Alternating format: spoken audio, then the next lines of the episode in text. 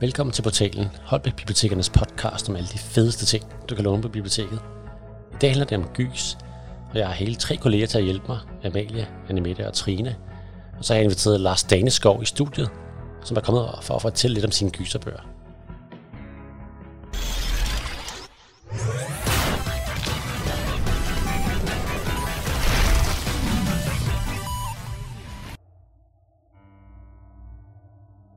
Gys og horror er en genre, som er lidt speciel, for den kan blande alle andre genrer og bryde alle regler, så længe det hele bare bliver bundet sammen med en lidt uhyggelig sløjfe til sidst. Og hvad er egentlig uhyggeligt? Det er forskelligt for alle, og det gør det svært at skrive noget, som alle finder skræmmende. Er det en stemning omkring noget, der snart vil ske? Er det et monster, der flår mennesker i små stykker? Eller er det flugten og den spinkle chance for overlevelse? I filmens verden er det jumpscares, der vender frem lige nu, og det er rimelig svært at få en læser til at hoppe meter i vejret, når man skriver en bog. Så hvordan holder man gykset ved lige? Der er der heldigvis en del forfattere, der har opdaget og leget lidt med. Jeg har før haft gyser med, som zombie-serien af Benny Bøtker i episode 20, Marit og Linnea Bjerg Nielsen i episode 1, eller Lysets Hjerte af Kenneth Bjørn Andersen i episode 12, men der er mange, mange flere gys i de andre episoder. Men i denne episode er der fokus på gys, og vi lægger ud med noget af det, jeg finder allermest klammest i hele verden. Mor, Albert Halbar, bar, halvt slæbte Liva ind ad døren, mens hun hyldede vildens sky. Hvad er der sket? Mor kom farne ind for værelset med et forskrækket udtryk. Prøv at se hendes ben. De er fyldt med dyr. Liva satte sig grædende på en stol og trak sit ene bukseben op. Tre små sorte perler sad på stribe lige over sokken. Mor lænede sig forover for at se nærmere på dem. Det er tæer. Hun rynkede på næsen. Albert, hæng lige min toilettaske. Jeg har en tægetang derinde. Få dem af, kommanderede Liva med store øjne. Man kan ikke hive dem ud med fingrene, svarede mor og satte sig i skrædderstilling foran hende. De graver hovedet helt ind i kødet, så det kun er bagkroppen, der stikker ud. Hvis du hiver i dem, ryger hovedet af og bliver siddende derinde. Liva spad øjnene endnu mere op og skulle til at sætte i et hyl, da mor klappede hende på benet. Vi skal nok fjerne dem. Man skal bare bruge en særlig tang, så hovedet kommer med ud. Ja, er de farlige? Mor smilede. Nej, de drikker blod ligesom myg. Hvis vi lød dem sidde, ville de små kroppe blive større og røde, når de var fyldte. Men det gør vi ikke. De kan sygdomme i sig, som er meget ubehagelig, så vi fjerner dem med det samme. Lige ved spad øjnene op igen, da Albert kom ind på værelset med toilettasken. Jeg kunne ikke se nogen tang. Mor åbnede tasken og rodede lidt rundt, før hun trak noget, der lignede et lille brækjern op i plastik. Albert hæng lidt stykke køkkenrulle. Mor tog forsigtigt om Livias underben og satte tangen ind under den første tæge. Den fulgte med ud, og hun tørrede tangen i papiret, før hun fjernede den næste. Lidt efter var de alle tre væk. Så, mor strøg Liva over bagsiden af benet. Så fik hun en rynke i panden og vendte forsigtigt Livas ben, så hun kunne se lægen. Fem fede tæer havde sat sig til rette og gravet deres hoveder ind i benet. Albert hældte lidt stykke køkkenrulle til. Det var ikke svært at fjerne den, men mor virkede lidt overrasket. Jeg har aldrig set så mange før, sagde hun og krøllede papiret sammen – så hun smed det i skraldespanden. Albert, prøv lige at rulle dit bukseben op. Slimet Marit Thea er skrevet af Michael Kamp og kan læses for 10 år. Det handler om virus, isolation, Thea og især gys. Historien foregår i vores verden, men med ideen om, at insekter måske ikke helt er så begrænset af størrelse længere. Albert han går i 5. klasse, og hans lille søster Liva går i 2. Børnene er på grund af en virus i Danmark lejede et sommerhus med deres mor. En hel uges ferie, inden skolen starter. Men af en eller anden grund er de helt alene i området. Alle de andre sommerhus står tomme. Til deres store glæde har de dog også deres egen swimmingpool. For de ikke skal bruge hele ugen med iPads og telefoner, tvinger moren dem til at lege ude i skoven. Og allerede første dag er deres ben fyldt med flåter, der skal fjernes. Men der dukker flere og flere flåter op. Og snart må de flygte fra en sværm af flåter, og deres liv er i fare. For hvor længe kan en bunke tæer få lov til at suge blod, før du ikke længere har kræfter til at flygte fra dem. Forsiden er tegnet af Martin Savner og forestiller en hjort dækket af flåter. Bag den anes en grøn skov lagt i skygge. Resten af serien er samme stil, med få farver for grøn mest træder i karakter. Inde i bogen er der flere sort-hvide illustrationer, der giver historien et dystert og klamt look. Kombinationen af historien og billederne er nok til at det klør flere steder på kroppen, og man fanger sig selv i at lede efter flåter på sig selv. Det er virkelig ulækkert og især uhyggeligt. Der er udkommet tre bøger i serien om slimet Marit. Thea, Tang og og teltet, og de kan læses i vilkår i rækkefølge.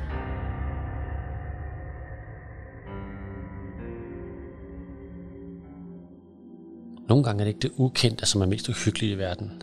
Nogle gange er det det uundgåelige, der er på vej. Det som man ikke har en chance for at stoppe. Det kan være store ændringer i dit liv. Det kan være dødsfald. Eller det kan være en mere dystopisk tankegang. Måske en meteor, der er på vej for at smadre hele planeten.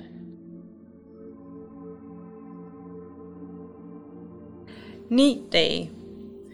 Afobis vil ramme jorden. NASA er ikke i tvivl mere. Der er ikke noget, vi kan gøre. Ingen tror mere, at vi kan reddes.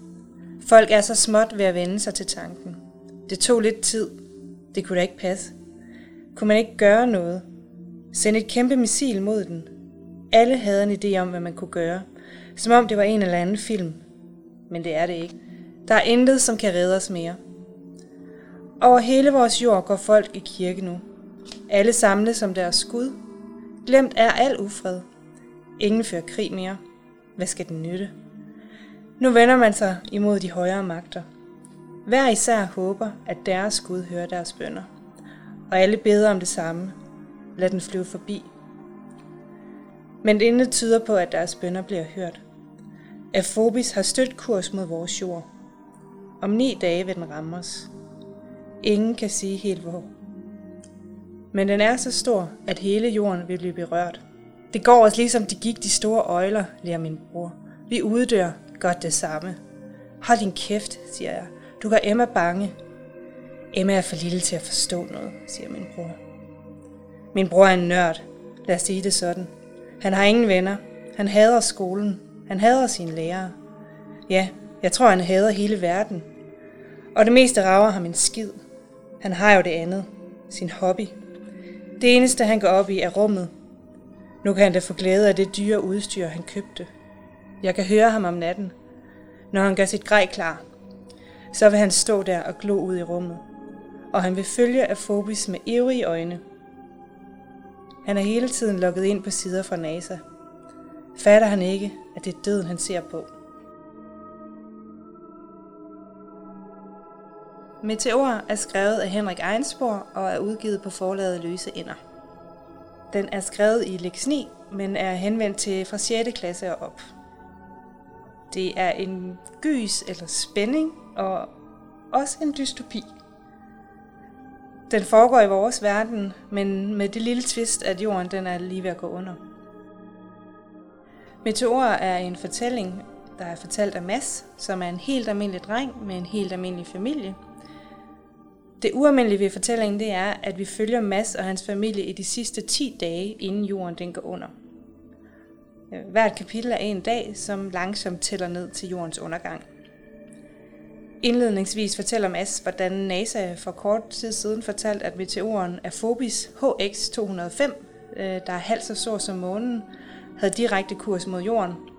Og i starten der regnede folk ikke med, at øh, jorden ville blive ramt. Øh, de var ret sikre på, at nogen ville gøre noget, og de ville måske sprænge den i stykker eller andet, så den ville ryge forbi.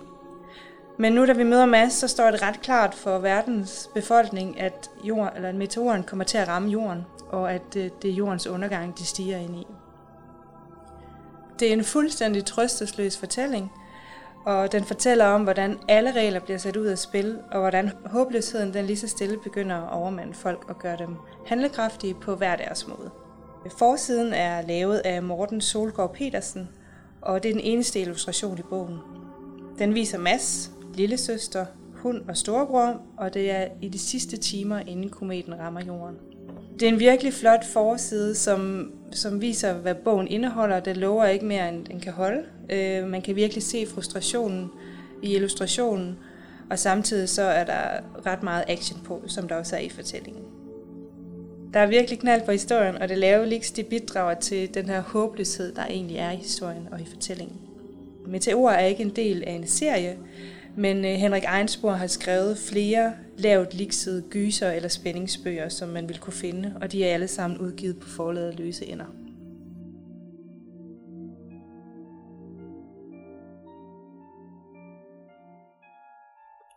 Nogle finder det uhyggeligt med spøgelser og monstre, men der er andre forfattere, der forsøger at få læseren til at gyse ved at slå ned i virkelighedens frygt. For vi ved jo alle sammen, at pyromaner og nazister og rockere og terrorister, de findes i virkeligheden, det kan gøre dem ekstra skræmmende. En af de bedste gyserserier har rundet de 33 bind, og forfatteren forstår for os til at gyse over virkelighedens frygtelige mennesker og kan få vores blod til at fryse. Det er rigtigt synd for hende, siger Simone. Nu behøver vi ikke at kigge efter stjålne ting mere. Jeg så ellers et smartwatch. Det er lige blevet sat til salg. Hvad er det for et ur, siger Tobias. Øjeblik, siger hun og søger på mobilen. Her er det. Tobias ser på det. Det er løgn, siger han. Det ligner det ur, som Emma lige har fået. Hun viste os det i går. Præcis, det ur, siger Oliver. Det er sat til salg for 500 kroner. Det er meget mere værd. Kan det være hendes far, der sælger det? Nej, det kan han ikke, siger Tobias. Politiet er hjemme hos dem. Oh, bare jeg kunne få det at se, siger Tobias. Så kunne vi måske høre om, hvad de to mænd talte om. Vi køber uret, siger Oliver. Jeg har 200 kroner derhjemme. Jeg har kun en 20'er, siger Tobias. Vi kan ikke skaffe 500 kroner, siger Simone. Hvad gør vi? Jeg vil se det ur, siger Tobias. Jeg sender en besked, om jeg vil købe det. Luna har vist koden til Emmas ur. De er meget gode veninder. Hvis vi kan få den, så kan vi åbne uret. Super, siger Oliver. Jeg skriver til Luna, at vi gerne vil have koden. Okay, siger Tobias. Jeg skriver til den, der sælger uret. Han får hurtigt svar. Det er fra en kvinde.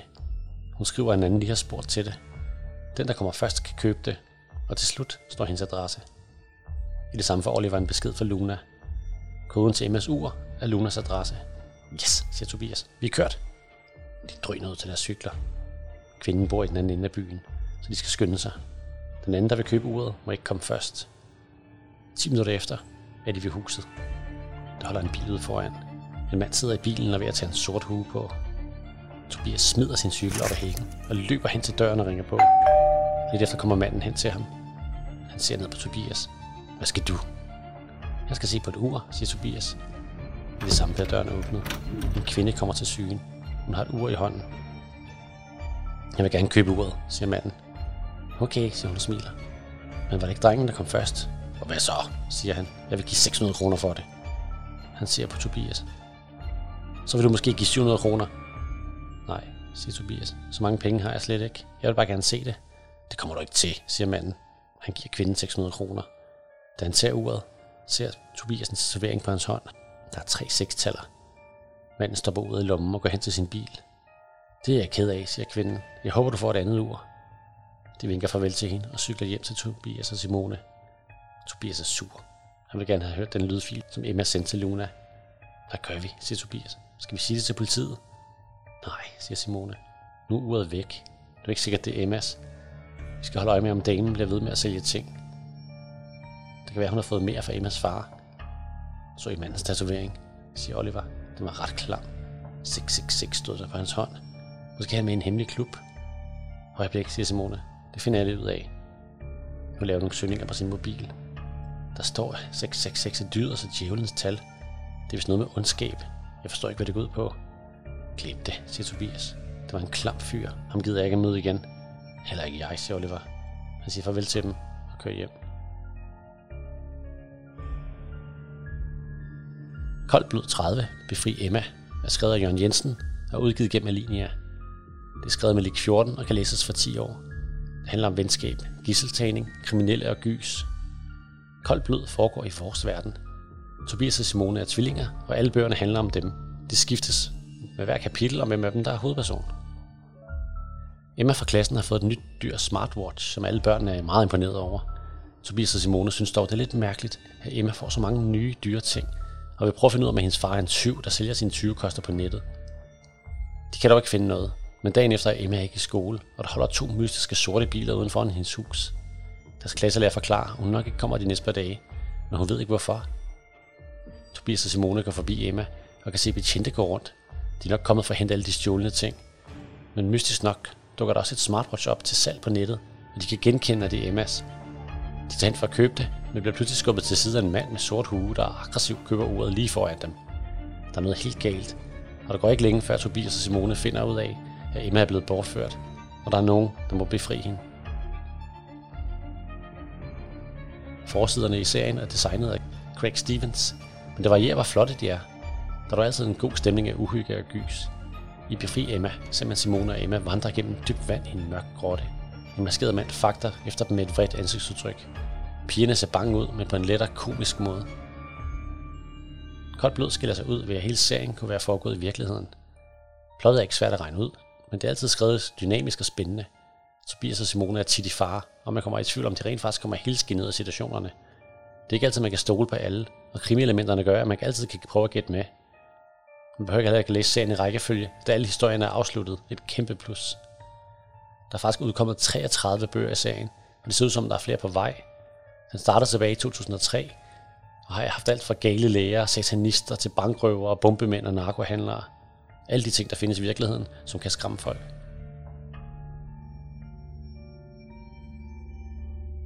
Forsvinder folk, når de dør? Det er det ikke alle, der mener. Måske der er noget i vores verden, der holder ånder fanget og sørger for, at de ikke kan rejse videre. Og hvad nu, hvis man leger med tanken om, at man kan lave et slags alter, som forhindrer evig hvile? På den måde kan man få opmærksomhed fra den anden side. Måske en opmærksomhed, man slet ikke har lyst til at få.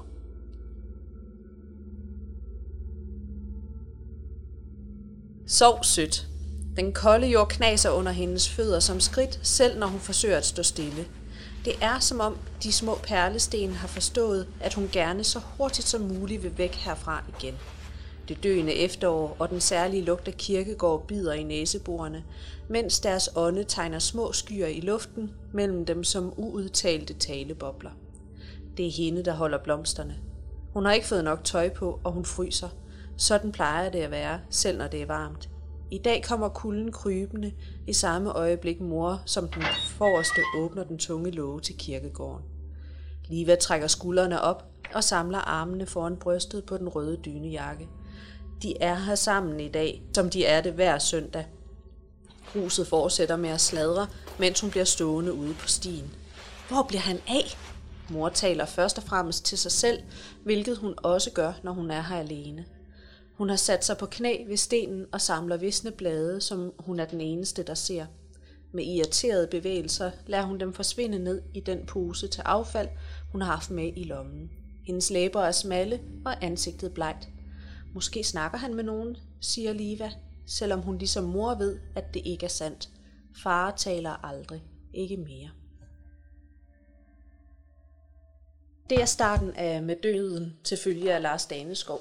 Det er en øh, ganske grusom bog, en gyser, der foregår i vores helt almindelige realistiske verden, og den er mest til børn fra 11 år op. Vores hovedperson i bogen hedder Liva, og Livas storebror døde for tre år siden, og det er ham, som morfar og Liva lige har været ude at besøge på kirkegården. Victor han døde, da han cyklede hjem efter at have været til sport, og så blev han øh, kørt ned af en bil, og mor hun er i dyb sorg over, at Victor han er død, så hun besøger hans grav hver eneste dag. Øh, far han er også i sorg, men han er bare blevet stille og indelukket, og Liva hun forsøger at overleve i det her hjem, hvor hun sådan pludselig bliver udsat for en masse kontroller og en masse regler, hun skal opfylde, fordi hendes mor er meget, meget bange for, at der skal ske noget med Liva. Så hun skal altid cykle direkte hjem fra skole, og hun skal altid cykle den samme vej, og de skal være sikre på, hvor hun er altid, fordi de er så bange for, at de skal modtage den besked igen, at deres barn er død. I øh, familiens hjem har øh, de valgt at beholde Victors værelse fuldstændig som den stod, da Victor han døde. Og øh, det her værelse, det er lidt uhyggeligt. Det er også blevet sådan et øh, trækplaster i den her by, så børnene i byen vil gerne med Liva hjem fra skole for at se den døde drengs værelse. Og en dag, hvor Liva hun så står i, i værelset, der får hun en virkelig ubehagelig følelse af ikke at være alene. Og hun begynder at se små tegn på, at Victor han ikke er væk, og at hans ånd simpelthen er blevet i den her verden. Mor og far, de tror selvfølgelig ikke på Liva, men efterhånden sker der bare så mange uhyggelige og farlige ting, at de også må indse, at noget er helt, helt galt. Det er sådan en bog, der er så uhyggelig på sådan en øh, stille måde, den bare kravler ind under huden på dig.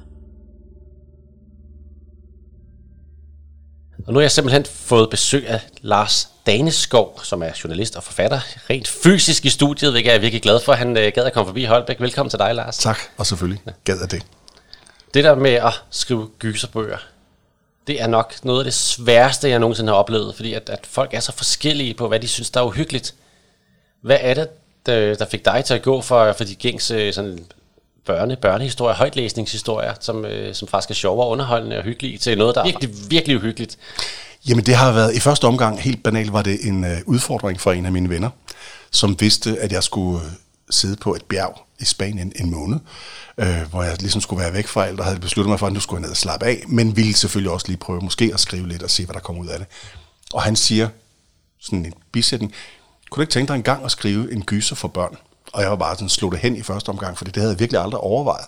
Indtil jeg så kom til det der bjerg, og sidder og kigger ud over bjergene, og ved, at jeg skal være der en måned. Og beslutter så, prøv at jeg laver et dogme for mig selv. Jeg står op hver dag tidligt, skriver et kapitel, skriver en bog på 10 kapitler, skal skrive et kapitel om dagen, starter med kapitel 10, og laver nedtælling, 9, 8, 7, 6 osv. Og den skal være uhyggelig. Og så gik jeg ellers i gang øh, og sad på det der bjerg, og sad der i solskin. Men når jeg skrev, var det øh, altså en helt gotisk uhygge i et stort hus, og en pige, der har en mor og en far, der lige er blevet skilt, og om øh, ånder, der ligesom lever videre i et hus, og så videre. Altså alt det, som jeg kunne skrabe ud af min sygeste fantasi, kom ligesom med i den historie, samtidig med, at solen skinnede, og udsigten var noget fuldstændig andet. Og der fandt jeg ud af, at det simpelthen var, det er en, en, for mig var det en super, super sjov leg, øh, at gribe ned i det, som jeg synes er uhyggeligt. Det må jeg skrive. Øh, og det er sådan, jeg i virkeligheden har skrevet både den bog, som jeg snakker om her, Maskernes Hus, og den, der hedder Med Døden selvfølgelig. Jeg har prøvet at spørge mig selv, hvad synes jeg selv er uhyggeligt, både nu, men også da jeg var mindre. Og der er nogle, der er nogle sådan en urting, som jeg tror alle øh, har det svært med. Jeg har selv haft et værelse i en kælder en gang, og jeg skulle gå forbi sådan en, en dybfryser, øh, og ellers bare en masse tomrum, hvor der var lidt vasketøj og lidt pulterting og så videre. Og jeg kunne godt regne ud, at der nok ikke gemte sig nogen i den der fryser. Og jeg kunne også godt regne ud, at der nok ikke vil være nogen, der egentlig gad sidde i de der tomme rum med vasketøj meget, meget længe. Men alligevel, altså jeg kan huske mig selv spæne ned af den trappe for at komme ind på mit værelse, fordi bare tanken om, hvad der kunne ske ned i den her kælder, øh, var fantastisk at have inde i hovedet, eller var forfærdelig at have inde i hovedet. Og den øh, stemning kan jeg godt lide at vende tilbage til. Altså gribe fat i de der dæmoner, som følger en, når man sover, og man vågner og har været helt ulogisk i sit hoved hele natten. Og, og så var der nogen, der gjorde, at jeg blev forfulgt, og jeg kunne ikke slippe væk, og så videre. Alt det der, prøv at sige, godt, nu prøver jeg faktisk at skrive den slags historie. Nu har vi faktisk øh, anmeldt også øh, Maskernes Hus i, mm. øh, i den episode omkring Orla-prisen, så den blev nomineret der, så ja. folk kan også lige gå tilbage og lytte til den der, hvis de lige vil høre, hvor, hvor skræmmende den er. Men øh, med døden til følge, øh, var den anden gyser, gyserhistorie, mm. var den også skrevet omvendt?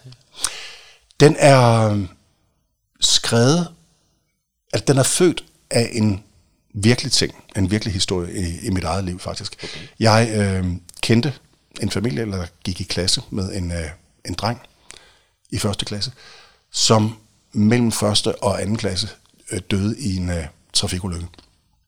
Hmm. Og det var en forfærdelig tragedie. Det var mit første møde med døden. Øh, meget abstrakt. En fra min klasse, en fra mit klassebillede, var lige pludselig, kan man sige, væk. Altså han, øh, han var død. Og hans familie havde selvfølgelig meget, meget vanskeligt ved at komme igennem den sorg, som det er at miste et barn. Og der skete bare det, at de, de havde virkelig svært ved at slippe den sorg. Og blev ved med at have et værelse stående, som var værelset, som det så ud den dag, han døde. Øh, og den her familie havde stadigvæk en søn, som var yngre. Og det billede har bare fulgt mig altid, at der var, en, der var et barn, der skulle vokse op i en familie, hvor han aldrig ville kunne komme til at gøre det godt nok, fordi han var ikke det barn, der var død. Øhm, der vil altid være det hul i familiebilledet, at der var en, der var, der var væk, og den sorg skulle de alle sammen leve under. Så det er det, der ligesom har været øh, afsættet til historien, øh, med døden selvfølgelig, hvor jeg har taget, øh, taget den fornemmelse, den sorg, det er, når en øh, familie mister, øh, i det her tilfælde, en, en søn, og en datter øh, skal så leve videre øh, i den skygge af sorg det, det er jo nok derfor, jeg, det, jeg synes, den kryber virkelig ind under huden på en, så øh, der er måske en grund til, at du sådan lige kan sætte dig ind i øh, tankegangen og følelserne, der er omkring øh, hele familien faktisk. Øh, man, man sidder jo som voksen, der så virkelig, virkelig kyser, når man læser den, øh, fordi man godt kan forstå mange af de øh, reaktioner og facetter, der er i historien. Men for mig var det et- for et, øh, for et hurtigt øje, hvis man bare læser den, så vil man sige, at det var en gyser, og måske er der nogle genfærd, måske er der noget, øh, der er nogle knirkende gulve, og sådan, altså de ydre ting. Men den, øh, altså, det dybe lag i den for mig er historien om, om sorg, og i virkeligheden om den forpligtelse, man har til, uanset hvad det er for en sorg, eller for et mørke, man bliver ramt af, om det er depression, om det er en far og en mor, der, der drikker, eller hvilke øh, skygger man egentlig vokser op i, så har man på en eller anden façon en pligt til at rejse sig ud af, af, af det der mørke og leve. Øhm, så, det, så meget det, den her historie for mig handler om, en, en pige, øh, Liva, som tager kampen i sin egen hånd og nægter at blive ved med at leve den skygge, som hendes storebrors død tre år tidligere har, mm. har kastet over familien. Accepterer selvfølgelig er der øh, en sorg, men vi må også leve videre, fordi vi er stadigvæk tre, der er her. En mor og en far og mig. Og den, øh, den historie, øh, synes jeg sådan, er for mig er den vigtige, den der overlevelseshistorie, fighter-historien måske. Det kan der er sådan en øh, karakter med, som hedder Mortimer, mm-hmm. som, øh, som, som kommer lidt ud af det blå, og, øh, og, sådan, og sådan vejleder lidt i hende i, hvad hun skal gøre for, for at komme videre. Ja. At, øh, kan, kan du fortælle lidt om ham? Jamen han er en, øh, uden at skulle røbe for meget om ham, så er han en figur, der træder ind i øh, det rum, som egentlig er skolepsykologens øh, rum. Der har Liva øh, været øh, de der tre år tidligere, da hendes øh, storebror døde.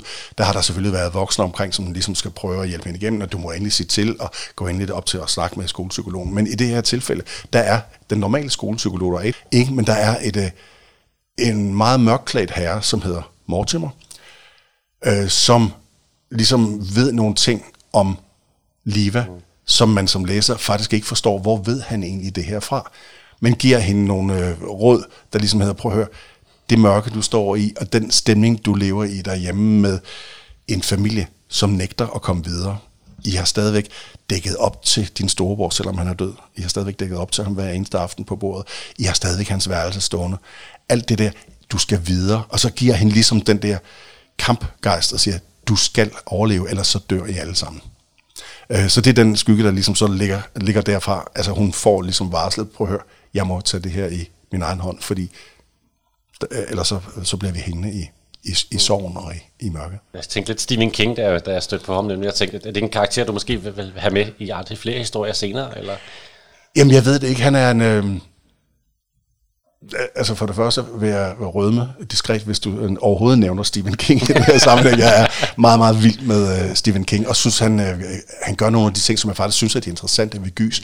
Han har noget, som er skide uhyggeligt, når man bare læser det. Altså han har... Øh, dyr, der stiger op af grave og lever okay. videre, og han har folk, der går amok med økser i øde hoteller osv. Men i alle hans bøger, der ligger der sådan en dybere tematik, kan man sige. Altså dyrekirkegården, jamen, er en historie, som handler om savn og om sorg. Mm. Uh, The Shining er en historie, der handler om om misbrug og så videre. Der er, der er hele tiden det dybe lag i det, som jeg synes, at det der for mig er, er, er de store historier. I al beskedenhed, det er det, jeg i hvert fald tænker, ej, hvor kunne det være rart, hvis man bare ramte en lille smule af den stemning, fordi det rene gys, det der bare hed, kniven, kniven blev boret ind i hans rygsøjle, og blodet væltede ud som Niagara på et gulv og sådan noget. Det, det betyder mindre for mig, end den der snigende uhygge, hvor man som læser kan sidde og tænke, tænk hvis det var rigtigt, tænk hvis den her storebror, som er død, faktisk på en eller anden façon lever videre inde på det der værelse. Altså de der tankespind, som måske kan forekomme ulogiske, man ved godt med sin øh, realistiske side, nej, det er nok ikke rigtigt. Selvfølgelig er der ikke nogen, der lever videre, når de er døde. Men stadigvæk, tænk nu hvis.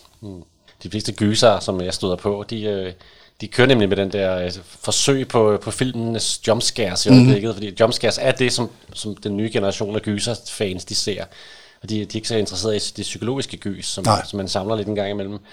Og, og det prøver bøgerne at gøre efter, og, og, og det er altså virkelig svært at have åbent en bog og sige bøh. Altså, Ja, præcis. så, så derfor er jeg glad for, at du faktisk går den, den anden vej. Der tager det psykologiske gys, men øh, hvor kommer de øh, greb fra? Fordi det er jo er sindssygt svært at lave, at lave en historie, hvor den, hvor den sådan stille og roligt lader op til, hvor man bliver mere og mere i tvivl om, hvad der, er, der sker, og hvad der, og hvad der foregår, om det faktisk er ægte, eller om det er bare op i hovedet på hende selv. Jamen, jeg tror, det, jeg tror det faktisk, det er noget af det der med, altså jumpscare, der kan du næsten høre det i ordet, at det er noget, der, skal, noget, der sker pludseligt.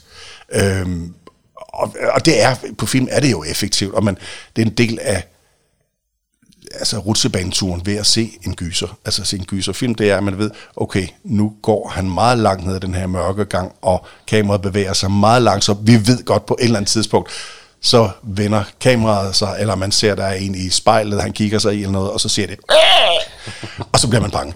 Det kan man ikke på samme måde i, i bog, som du siger, fordi bare læsetempoet er jo forskelligt. Mm. Øh, jeg kan sidde og læse en bog, og pludselig bliver jeg forstyrret af en skraldebil, der kører ned på gaden, og så er jeg lige væk et øjeblik, og så får jeg ikke den der effekt, som forfatteren måske havde tænkt. Mm. Øh, så derfor er den der snigende uhygge mere noget med at bygge, bygge stemninger på for mig. Altså hele med døden selvfølgelig starter på en, øh, starter på en kirkegård, et besøg på kirkegård, hvor, hvor Liva, øh, hovedpersonen, der har mistet sin storebror, er sammen med sine forældre på besøg på storebrorens grav.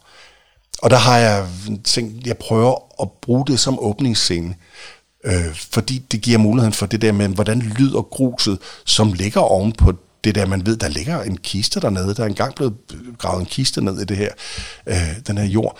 Øh, så noget med at male den der lyd af, af stenene, noget med, hvad, hvad dufter der af, og de der grene, som ikke har nogen blade på, hvad ligner de egentlig, når man kigger op mod himlen? Altså er noget silhuet, som ligner hænder, der rækker ud og så videre. Altså prøv at spille på nogle beskrivelser, som kan være med til at, at sætte sig som, øh, som baggrund i, i den der læser. Så tror jeg, man bygger uhyggen mere op, end ved bare at sige, sige bøge og lade en trold hoppe ud af et skab, eller en kniv bore sig dybt ind i, i rygsøjlen. Altså det, det, det er for mig i hvert fald der, hvor det bliver, bliver mere interessant, både som læser og også at, at skrive. Jeg synes jeg faktisk, at Maskernes Hus var, var en af de mest uhyggelige historier, jeg nogensinde havde læst, og og da jeg så når til med døden selvfølgelig, så må jeg indrømme, at du har virkelig fat i et eller andet der, fordi at, at, dem har jeg i hvert fald tænkt mig til med til skoleklasser nu anbefale, hvis de vil have noget, der virkelig, virkelig kan skræmme livet af dem. Nå, dejligt. Og, øh, det er dejligt, hvis du vil skræmme livet af nogle skolebørn. Jeg elsker at skræmme livet af børn. Men det, det, er jo en sjov ting, fordi for mig er det jo, det er jo en del af lejen i det.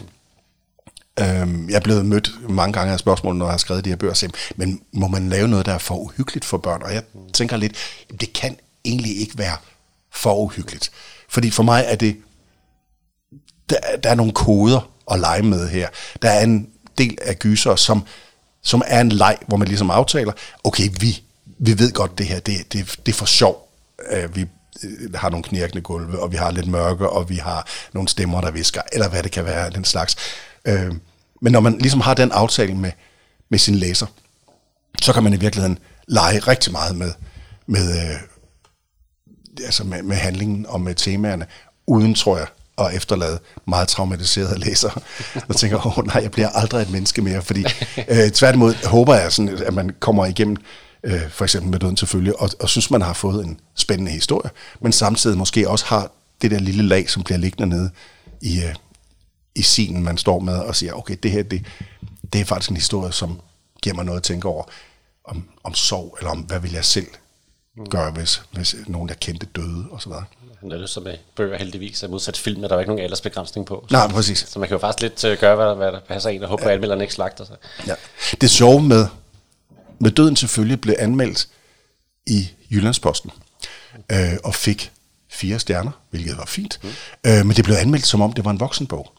Øh, fordi anmelderen og redaktionen faktisk ikke havde fundet ud af, at det var en bog, der er skrevet til, til yngre læsere, altså til, til unge eller til, til børn.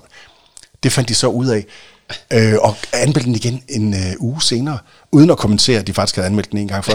og så fik den en ekstra stjerne, og så fik så fem stjerner, øh, fordi den lige pludselig, så var det åbenbart hmm. en, en, en fantastisk ungdomsgyser, mens det for voksne var, nej, nah, det er da ikke helt uhyggeligt nok, eller, mm, og så videre. Øh, for, og for mig var det bare, hey, øh, jeg har ikke prøvet at narre nogen med det, og for mig er der ikke nogen alder, der er forbudt. Altså hvis der sidder en på 16 og læser den her, og har en fest med den, fantastisk. Hvis der sidder en på 8 og synes, den er dejlig, dejligt for ham, for mm. hende. Øh, så det der med, øh, med aldersgrupper er tit noget, som nogen andre end den, der skriver, i det her tilfælde mig, i hvert fald øh, sætter på bøgerne. Ja, det kan jeg ikke forstå, hvordan de kan se det. Når, når forsiden er, synes jeg, er jo enormt vigtigt. Ja. Og, man, øh, og selvom begge forsiden er, altså, er virkelig skræmmende, så vil jeg da ikke tænke, det er en voksenbog, når jeg ser den. Jeg vil have tænkt ungdomsbog. Ja. Det, men, men de vidste ikke på Jyllandsposten. hvad, hvad, hvad har du gjort med, med forsiderne? Har, har det været forslag fra, fra Gyldendal og Good Kind, eller, eller har du selv været inde og, og, og har noget med forsiderne at gøre? Jeg har, øh, jeg har ikke blandet mig for stort i det. Altså, vi har prøvet at, i begge tilfælde, at gå efter noget, som var let at afkode, som noget, der så uhyggeligt ud. Øh, men det skulle ikke være, det skulle ikke føles som splatter. Øh, det skulle ikke føles som et eller andet, der var for, for tegneserieagtigt. Øh, I tilfældet med døden til følge, var vi omkring en, en forside, som vi faktisk synes var en, en elegant tænkt idé med en, øh, en øh, stor svømmehal. Man så sådan øh, vandet, og så så man en jakke, rød jakke, der ligesom bare flød rundt. Og da vi så den, så virkede den bare overhovedet ikke uhyggeligt. Det lignede sådan en, øh, en bog om charterferie, hvor nogen havde, hvor nogen havde glemt noget overtøj i en, øh, i en øh, pool. Øh, så vi tænkte, at vi skal en anden vej. Øh, og havde så det der tema med, der er i det her tilfælde en storebror, som er død, som ligesom prøver at komme tilbage i familien og har det der, hvis ikke øh, I vil slippe mig, så slipper jeg heller ikke jer. Mm. Hvis man kunne illustrere det, tænkte vi, så ville det være faktisk øh, det gode i det. Og det er så det, der det er endt med. En øh, usynlig væg af noget stof, eller noget, som en på den anden side står og presser lidt imod. Det signalerer for mig, eller antyder det, som er temaet i, i bogen. Altså, hvis man så har læst bogen, så vil den der med swimmingpoolen og røde jakke faktisk være virkelig uhyggelig. Men ja, det kan jeg godt ja. endnu mere. Men den var det ikke som, øh, som forsiden, man mødte som det første af den bog, så vil sige, så vil vi ikke have fået effekten af, at det var en gyser i hvert fald. Så hvad gjorde du egentlig med alle de gode beskrivelser, der er i bøgerne, sådan at, at, at, at områder og sådan noget, lignende vandet kirkegård? Har du været rundt på kirkegård i, øh, i timevis og, og, og kigget og lyttet, eller, eller fordi du er meget beskrivende i alt, hvad du laver, og uden det bliver kedeligt faktisk, og det, det er også noget af en kunst. Jamen, jeg har det sådan, at jeg, jeg ser jo, jeg har jo øjnene med mig lige meget, hvor jeg går. Det der med kirkegård, altså jeg har, jeg er vokset op tæt på en kirkegård, mm. og havde som lille en uh, rute, sådan når jeg skulle køre fra skole og køre hjem, så skulle jeg køre forbi den der kirkegård. Det var fint nok i dagslys, men hvis man sådan havde været en lille smule senere ude og kom hjem, hvor det var begyndt at blive mørkt, så altså, jeg kunne virkelig cykle hurtigt forbi den kirkegård, for at komme hurtigt væk, og også køre lidt længere ud på vejen, for ikke at komme for tæt på, på selve muren ind til kirkegården. Øh, og jeg kan huske øh, lugtene af det der stedsegrønne, øh, var, den lå ligesom sådan en dyne ud over kirkegården.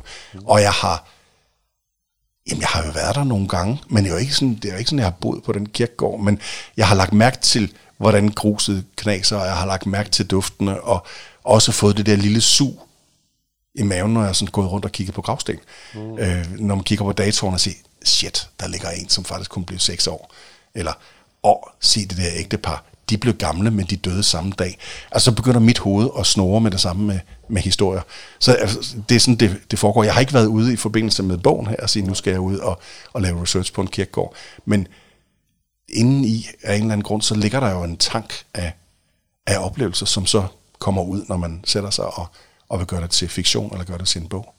Der tænker, du har haft meget, øh, meget gys i din barndom, så det, det, det er utroligt, at du gik direkte til at skrive sjove historier, i stedet for, i stedet for at starte med gyset. Nej, men jeg har, det, jeg har altid haft det sådan, at jeg vil gerne skrive de bøger, som jeg selv vil synes var sjovt at læse. Det lyder meget enkelt, men det, øh, det, det er det, som, øh, som driver mig, både når jeg skriver de sjove, eller dem for helt små, øh, eller dem for lidt større. Altså så er det den der med, hvad, hvad vil jeg selv blive rørt af, hvad vil jeg selv synes var sjovt. Og der i øh, de bøger, jeg ofte har skrevet, der er der krav til, at der skal grines, eller der er noget, som lærerne står og læser højt i et stort spisefrikvarter, spisefrikvarter øh, og det, det skal være noget, som får nogle grin undervejs. Så det, det kræver nogle bestemte ting. Øh, I det her tilfælde, hvor det så er gyser, der har jeg simpelthen givet mig selv forbud mod overhovedet lavet noget, der, der var sjovt. Altså hvis der har været optræk til en, øh, en sammenligning, som lige pludselig virkede for komisk, øh, sådan, hanen på kirkegården strakte sig som en svane, der rakte ud efter et eller andet ting. Nej, det tager simpelthen for meget øh, opmærksomhed fra det, jeg egentlig vil fortælle. Så det har været dogmet. De må ikke være sjove. Mm. Fordi hvis man først begynder at fnise under uhyggen, så er det ikke uhyggeligt mere. Så er det fjollet. Og det skal det ikke være. Altså, jeg tænker, at jeg trak på smilbåndet på noget tidspunkt, men jeg tror jeg faktisk ikke, jeg gjorde, så jeg tror, det har ramt det meget godt. Jeg kan ikke huske, hvad det Nej, men meningen, meningen er det der med at, at gøre det rent. Altså at prøve at sige, hvis det skal fungere som en, som en uhyggelig historie, som skal lære sig i mig som en historie om, om sorg, eller om at sige farvel, og om at komme videre osv., så, så skal jeg ikke øh, sidde og prutte i armhulen øh, og lave sådan små onkelvitser undervejs, fordi det vil forstyrre lige med det samme. Lige nu har du skrevet to gyser, mm. men øh, er, er der flere gyser på vej? Jamen, jeg er ikke i gang med nogen gyser lige nu, men jeg kan mærke, at de her to øh, gyser, og, øh, både Maskernes Hus og Med Døden selvfølgelig, har givet mig, og det er et dårligt udtryk, blod på tanden. øh, men jeg, har, øh, jeg synes, der er noget i, i formen, som øh, er, er interessant. Øh, jeg synes, det er en sjov ting at kunne beskrive indre, øh, indre pres, indre sorg, øh, mm. indre dæmoner, med noget, der foregår udefra øh, i Maskernes Hus, en historie om øh, Cornelia, som flytter ind i et hus, hendes forældre er blevet skilt. Øh, hun er fyldt af alt det, som man er fyldt med, når man oplever sine forældre gå fra hinanden. Øh, hun, er, hun er ked af det, hun føler sig svigtet, og hvorfor vil I have mig, når I alligevel ikke vil have mig? Og alt det, som hun ligesom er, er fyldt af som skilsmissebarn. Det prøver jeg at illustrere ved at sige, det pres kommer så fra stemmer om natten, eller nogen, der lige pludselig banker på hendes dør, eller skridt fra en lejlighed over dem i det her hus. En lejlighed, som faktisk er tom. Hvor kommer de skridt fra? Altså ligesom prøver at oversætte hendes indre kamp til, til den ydre. Og man kan sige, det er meget det, jeg også med døden selvfølgelig. En historie om sorg. De går alle sammen og, og bakser med hver deres måde at komme videre på, eller forsøge at komme videre, eller blive hængende i, i sorgen over øh, Victors død, altså storebrorens død. Mm øh, prøver at oversætte det. Hvordan, vil, hvordan er det, når man ikke øh, kan give slip på, på sorgen? Jamen, så har vi en her, Victor, som heller ikke vil give slip på dem. Altså, den døde nægter at give slip på dem. Og det er jo igen en måde at jamen, oversætte den indre historie til noget, til noget ydre. En af de ting, du rammer også med begge gyserhistorien, er, at man faktisk bliver i tvivl om, om der faktisk er et spøgelse, om der er noget overnaturligt. Og hvis det endelig er, så bliver man også i tvivl om, hvem det er, der er spøgelset, eller, ja, ja. eller om det faktisk er hovedpersonen, der er sådan lidt psykisk syg måske, eller et eller andet. Er det, er det med vilje?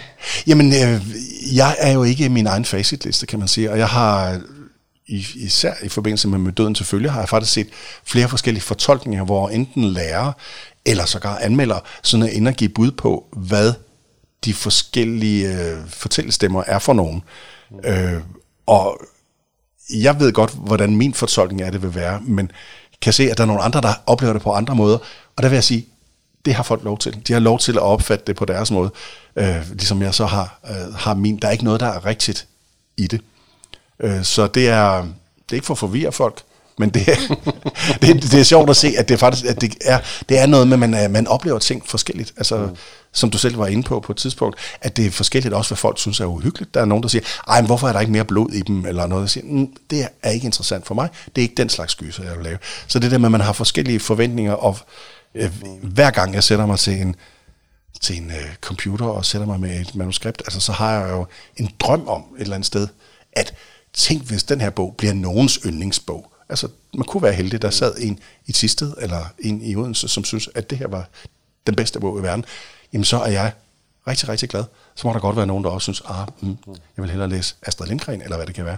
Det skal ikke være spøgelser, der hjemsøger dem, der ikke læser den. der er en, øh, en, en mor til, til, til Livas veninde, Klares mor, som, mm. som faktisk har oplevet et spøgelse i virkeligheden ja. i historien. Er, er, er det en historie, du øh, har, har fundet et sted? Fordi det, det virker som om, at den sådan lige... Øh, den virker som om, der var noget, der, der, der nogen godt har fortalt i virkeligheden, dengang jeg, jeg læste den. Eller selv det er ikke en historie, som er, som er virkelig. Det er en, som jeg har digtet, så den føles virkelig forhåbentlig. Øh, fordi jeg altid selv har synes det har været enormt interessant, når folk har fortalt den slags historier. Jeg har en gang for mange år siden været, øh, været radiovært, hvor vi en udsendelse talte om overnaturlige ting, der var sket. Og jeg kan huske, der var en, der ringede til udsendelsen den dag og fortalte om, hvordan hun var flyttet ind i en, øh, en lejlighed. Jeg tror, det var i Horsens. Øh, og havde oplevet sådan de første nætter, at der ligesom var fornemmelsen af, at der var nogen, der greb i hendes dyne, når hun prøvede at sove. Og, sådan, og øh, jeg synes også, der var sådan kombineret med noget, noget kulde, og der var en ubehagelig fornemmelse af, at det her sted, hun var flyttet ind, faktisk ikke var særlig rart. Hun havde så tjekket på gamle øh, kommuneplaner, byplaner og historiske øh, arkiver for at se, hvad har der været her før, og havde fundet frem til, at der havde været en kirke eller en kirkegård, eller et eller andet i den stil. Og hun kan have løjet op og ned af stolper, da hun ringede til den her radioudsendelse. Mm. Men det er en historie, som er blevet ved med at sidde hos mig, mm. øh, som noget, der kunne være rigtigt. Tænkt, hvis den der hånd, der greb i hendes dyne, faktisk var, var sand.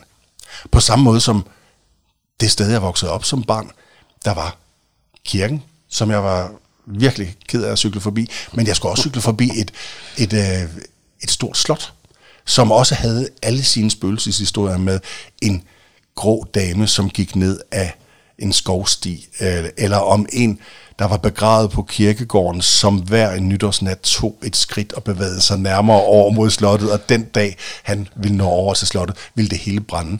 Og igen, selv som, som lille barn, tænkte jeg jo, at det var, det var nogle løgnehistorier. Men jeg kunne jo ikke lade være med sådan at have det som sådan en lille frysning ned af ryggen. Fordi jeg havde den der med, tænk hvis det er rigtigt. Tænk hvis jeg, nu når jeg kommer cyklerne på min gamle Wellington-cykel her, med min skoletaske på bagagebæren, tænk hvis den der grå dame lige pludselig kommer. Jeg har haft huse i min barndom, når jeg kørte forbi dem, vidste, derinde var der en dreng, der kom til at skyde sin, sin lillebror i en vådskudsulykke fordi faren havde lavet sit jagtgevær ligge fremme. Altså, det gav kuldegysninger, hver gang jeg kørte forbi det hus, fordi mit hoved og min fantasi jo selvfølgelig begyndte at løbe videre. Og sådan tror jeg, vi alle sammen er bygget op af historier, fortællinger og følelser, vi har haft med noget, som gjorde os en lille smule usikre på, om, om verden var helt, som vi, vi troede, den var. Altså gjorde den til et lille smule mere utrygt sted. Du skal have tak for, at du kom i dag, Lars. Tak fordi jeg måtte. De fleste gys blev de sidste to årtier skrevet som noveller. De små uhyggelige historier kunne man så hygge sig med at gyse, glad for at det var hurtigt overstået. For det var svært at skrive en længere gyserhistorie, uden at man vendte sig til gyset. Og mange af de store navne har også udgivet gode gysernoveller i svingende kvalitet. Men nogle gange dukker der også nogle lidt mere ukendte navne op og rammer lige plet med uhyggelige historier om døde aber, computerspil og dukker. Senere på aftenen blev de puttet i hver deres seng i loftkammeret Laura betragter de lange skygger på væggen. Den tændte netlampe mundrer sig med det gamle legetøj og kaster mærkelige skygger rundt i hele værelset. Farmor har sat vandglas til dem begge. De står på det lille bord mellem sengene. Det var totalt kedeligt, at din farmor kom ind midt i det hele. Nu fik vi slet ikke spurgt din farfar om bunden og drengen. Det er også virkelig spændende. Synes du ikke også? siger Clara. Laura ryster på hovedet, så hovedpuden knirker let. Hun vil gerne sige Clara imod, men hun gør det ikke. Der er så mange fede historier om dine bedsteforældres gård, fortsætter Clara. Claus siger også, at hvis du slukker lyset og tæller ned fra 10, så vil drengen komme frem, når du når til 0. Det passer ikke. Jo, det gør. Det var det, bunden tvang drengen til dengang, og hver gang han nåede til 0, straffede han drengen. Claus siger, at drengen blev vanvittig. Han venter på, at nogen tør hidkalde ham, og hvis de gør, mishandler han dem, som om han selv blev mishandlet. Skal vi prøve det? Selvfølgelig skal vi ikke prøve det. Er du bange? Nej, tøver Laura. Men det er hun. Hun bryder sig pludselig om at sove på farfar og farmors gård. Den ligger midt ude på landet med en stor tæt skov tæt på. Om aftenen bliver der helt mørkt og stille. Alt for mørkt og stille. Lige nu vil hun hellere være hjemme hos far og mor. Eller bare ud i solen og plukke skovjordbær ned i farmors have. Tøse tøs, driller Clara. Hvis du virkelig ikke tror på spøgelser, så sker der jo ikke noget. Jeg er ikke bange, fnyser Laura, men Claus lyver altid. Hun trækker dynen lidt længere op mod hagen og prøver ikke at lyde bange. Så bevis det, kylling. Jeg slukker lyset og tæller ned til 0. Det er en dum idé, Clara. Der sker jo ikke noget. Clara rækker op og slukker lyset. Hendes lange hår fejrer hen over pudens betræk, da hun gør det. 10, 9, Clara. 8, 7. Laura sætter sig op og klikker på den lille knap på lampen ind. Stop det, Clara. Du er sådan et pattebarn, Laura. Clara ruller rundt og griner højt. Hun griner så meget, at hun må holde sig på maven. Ti stille, vel er jeg ej, råber Laura holdt. Vi gør det, nu. Du kan lige våge på at tænde lyset igen, siger Clara bestemt, og rækker ud til kontakten. Laura tiger. Hun vil gerne sige noget. Noget virkelig led, der kan forklare til at holde op. Hun ved bare ikke hvad. 10, 9, 8, til at klare højt. 7, 6, 5. Laura holder vejret. Og der er ikke noget, der puslede hen ved væggen. Hun synes, hun hørte en lyd som knirkende brædder, eller en væsende indånding. 4, 3, 2, 1.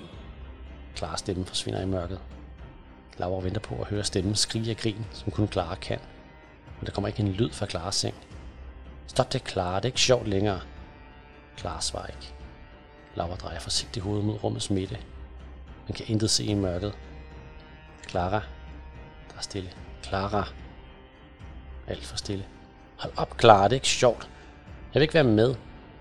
Laura sætter sig op. Hun er tæt på at græde af vrede. Hun hader, når Clara går grin med hende. Det er ikke spor sjovt. Hun rækker ud og tænder lampen. Den blinker, som om den ikke vil afbryde mørket. Laura stivner. I den modsatte seng ligger Clara, og hun er ikke alene. Dukkernes Ø og andre gys er skrevet af Katja Elberger og udgivet gennem High Reader. Den er cirka lig 25 og kan læses for 11 år. Det handler om venskab, død, genfærd, uhygge og masser af gys. I Katjas uhyggelige verden findes der både spøgelser og drabelige computerspil, og alle historien har hver deres hovedpersoner. I Venner for altid møder Philip og hans ven Victor en mystisk dreng, der sælger ting fra gaden. Fodboldkort, Playstation-spil, der slet ikke er udkommet endnu, og en kattefigur, som Philip kom til at smadre samme morgen. Alt det koster er fire timer og et minde. Og det kan man jo ikke savne, kan man? I Du bestemmer, at der er et hemmeligt computerspil på Jeppes skole. Spil eller dø. Kræver speciel invitation, og alle vil gerne spille. Det er bare lidt mærkeligt, at alle dem, som spiller, synes at forsvinde. I Circus Horror er Pelle og hans lille søster Ida flyttet på grund af en skilsmisse. I huset finder de en masse gamle billeder, der viser, at der engang havde boet et helt cirkus her. I kælderen finder de også en masse efterladte ting, og Ida bliver ret glad for en udstoppet abe. En abe, der begynder at dukke op de mest mærkværdige steder. I blikstille skal Emilie på sommerferie hos sin farmor og farfar. Det er hun hver år, og hun glæder sig til at lege med den lokale dreng Alex. I år vil han lære hende at dykke, så de kan lege, de besøger Atlantis. Men der er altså noget helt galt den her gang. I under sengen skal søsterne Clara og Laura også besøge deres farmor og farfar. Claus fra klassen har fortalt dem, at deres hus er hjemsøgt, og hvis du tæller ned fra 10 om natten, så vil spøgelset fra en vandrygtet dreng besøge dig. Pigerne tror ikke på det, og forsøger at tælle, og pludselig er de ikke alene i rummet. I Dukkernes Ø er Amalie og hendes tre stedbrødre på ferie i Mexico, hvor den lokale Tino viser en klam ø, hvor der hænger dukker med manglende arme og ben og hoveder, hængt ned fra træerne. Der går en historie om, at en druknet pige spørger på øen, og brønden skal bruge en time der med kun én regel. De må ikke røre ved dukkerne. Forsiden på bogen, ligesom titlen, hører til den 6. historie i novellesamlingen. Den er lavet af den fantastiske Mette Bredt, og forestiller en gammel slidt lænestol i et faldfattigt og mukken rum. I stolen sidder tre dukker og stiger ud i intetheden. I hjørnet sidder en gammel abedukke med et sindssygt smil. En fortid, man tror et øjeblik er sød, men jo mere man kigger efter detaljer, jo mere uhyggeligt op bliver den. Tre af historierne er udgivet før, men med et lidt mere barnligt udseende. De kommer dog lidt bedre til ret i den her novellesamling, hvor illustrationerne er fjernet, og historierne er blevet skrevet om og blevet endnu mere uhyggelige. Monster kan være skræmmende, men ret tit er det ikke bare monster, som vælter ud fra andre dimensioner eller fra rummet.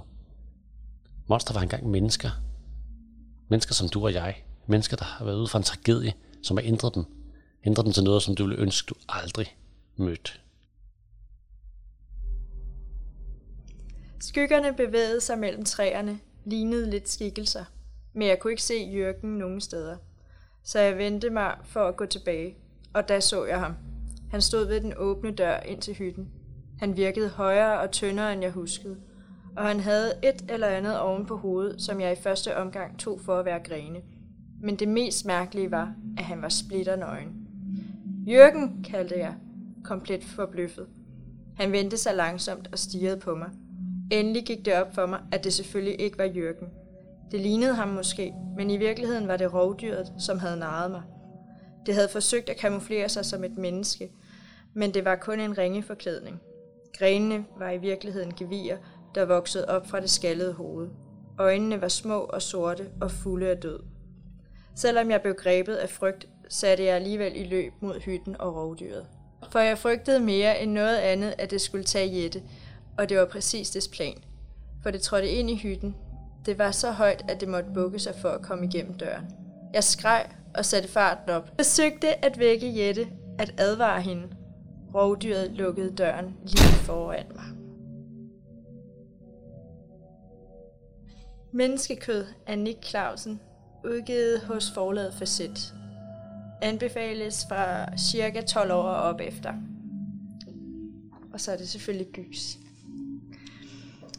Bogen foregår i vores verden i en lille landsby i Nordjylland kaldet Tærstved. Der indgår dog udsnit fra farfarens tur til Kanada. Hovedpersonerne i bogen er søskende parret Anne og Hugo. som er på vinterferie i, i Jylland hos deres farfar, fordi deres ferie til Østrig er blevet aflyst. Så deres farfar hurtigt arrangeret en øh, ferietur op til farfaren. Turen starter fint, men snart begynder der at ske mystiske ting og uforklarlige ting, som begynder at skræmme børnene rigtig meget. Og det hele bliver meget koldere og koldere udenfor, og alting bliver mere og mere uhyggeligt. Og lige pludselig så forsvinder farfarens hushjælp også sporløst, og politiet bliver indblandet. Der er ikke nogen illustrationer i bogen, men forsiden, der er lavet af bredt design, fortjener virkelig et stort ros. Øh, den er meget enkel, men den rammer virkelig plet i forhold til øh, handlingen og historien. Og øh, ja, jeg havde i hvert fald mest af alt lyst til at vende bogen om, når jeg lagde den frem mig, så jeg ikke skulle se på forsiden, da jeg læste den, fordi jeg synes, den er pænt creepy. Menneskekød den er bygget op som en øh, politisag, der bygger på en masse forskellige skriftlige kilder, som e-mails, sms'er, blogindlæg, dagbogsoptegnelser og transkriberede politiforhør. Det er en lidt atypisk måde at bygge en historie op på, men det fungerer rigtig godt. Og man bliver virkelig grebet af historien. Man får på den måde ikke det hele at vide, og spændingen bliver derfor trukket lidt ud, øh, sådan at man selv må ud fra de små bidder og hints, der kommer her og der, sådan et stykke historien og det, der sker sammen, for at få en forståelse af det. Bogen er ikke specielt lang, men Nick Clausen han formår at skabe en utrolig spændende og detaljeret og rigtig creepy plot, som fanger fra start til slut. Og så er han bare rigtig dygtig til at beskrive ting, så man tydeligt kan forestille sig den kolde, snefyldte vind, og hvordan den visker til folk. Det er en rigtig god og mystisk, creepy og i det hele taget rigtig ubehagelig bog, øh, som præcis er, som en gyser skal være. Og det overnaturlige element, der er med i den, er med til at gøre den endnu mere mystisk og uhyggelig. Personligt, så synes jeg, det er en af de bedste gyser, han har lavet. Jeg måtte sætte mig og se noget hyggeligt tv bagefter, så den skal læses øh, af modige mennesker, så. og det er en enkeltstående bog.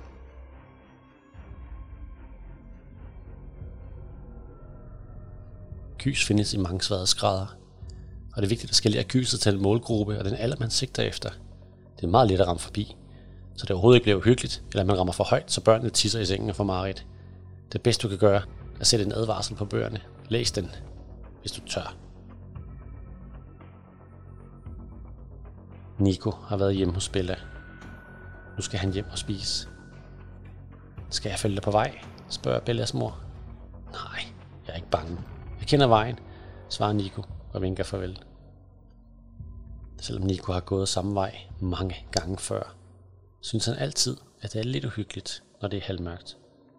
Pludselig føles det, som om nogen følger efter ham. Nico sætter tempoet op. Panikken breder sig i hans krop, men han tør ikke vende sig om.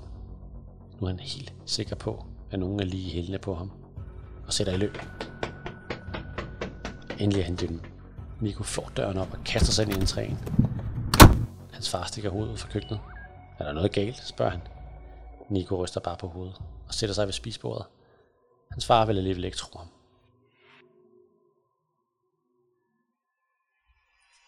Læs den, hvis du tør et. Skyggen er skrevet af Petrus Stalin og udgivet gennem Lampert. Det er Lix 20 og kan læses for 9 år. Det handler om uhygge, utryghed, forfølgelse og selvfølgelig gys. Serien foregår i vores verden, men med et lille overnaturligt twist. Nico han bor sammen med sin far og sin storsøster og har været på besøg hos sin veninde Bella. Det er aften, og Nico skal gå hjem. Det er mørkt, og det er en skræmmende tur hjem. Han føler hele tiden, når nogen følger efter ham, men ikke til at forklare. Hans storsøster forklarer, at hun engang har været bange for sin egen skygge, og det får Nico til at holde ekstra øje med sin egen. For der er noget helt galt. Den bevæger sig nogle gange, uden han selv bevæger sig. Serien er illustreret af Johanna Christensen, der har lavet uhyggeligt dystre forsider. I skyggen ser man Nico løbe ned ad en mørk gade. Hans skygge er blevet til et troende monster, der følger ham, og han ser sig nervøst tilbage. Inde i bøgerne er serien dog lidt mere nuttet. Man får en følelse af, at det her slet ikke er en gyser. En collage af hverdagsting bliver erstattet med lyse farver og glade børn. Men der er en uhygge i luften, og langsomt, som historien udvikler sig, bliver det mere og mere uhyggeligt. Der er en til to illustrationer på hver dobbeltside, og de er farverige og stemningsfyldte. Læs den, hvis du tør. står der på forsiden, og det er en meget god advarsel. For selvom bøgerne starter roligt, og man helt glemmer, at det er gys, så ændrer det sig hurtigt til en snigende fornemmelse af uhygge, og slutninger uden forløsninger og forklaringer, som mange gyserfilm også har. Det er effektivt og uhyggeligt, og de nuttede tegninger gør det endnu værre, når det så skifter til det mørke i slutningen. Den her serie er ikke for sarte børn, og den rammer lige ned i de ting, som børn til dagligt forestiller sig og bekymrer sig om. Serien har også forskellige hovedpersoner og kan derfor læses i vilkårlig rækkefølge. Indtil videre er der kommet fire bøger i læsten, hvis du tør. Computerspillet, Skyggen, Kædebrevet og Krammedyret.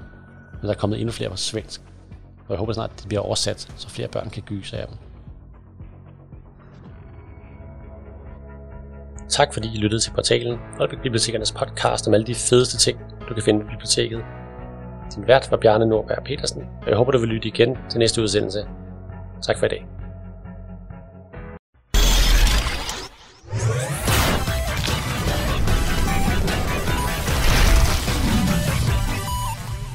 Der skal du bare læse op. Oh, undskyld.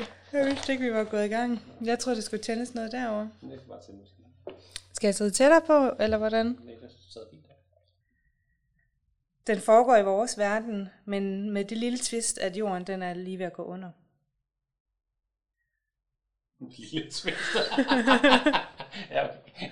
Er det ikke meget sjovt? Jo. Skal jeg sige noget andet? Nej, det var god. Det var bare et lille twist. Lige det lille twist. Jamen, det er jo det, der er så uhyggeligt. Det er jo det eneste der er anderledes. Fortællingen drejer sig rundt om Mads familie. Hans store søster. Nej, fuck, det er det ikke. Den store mor.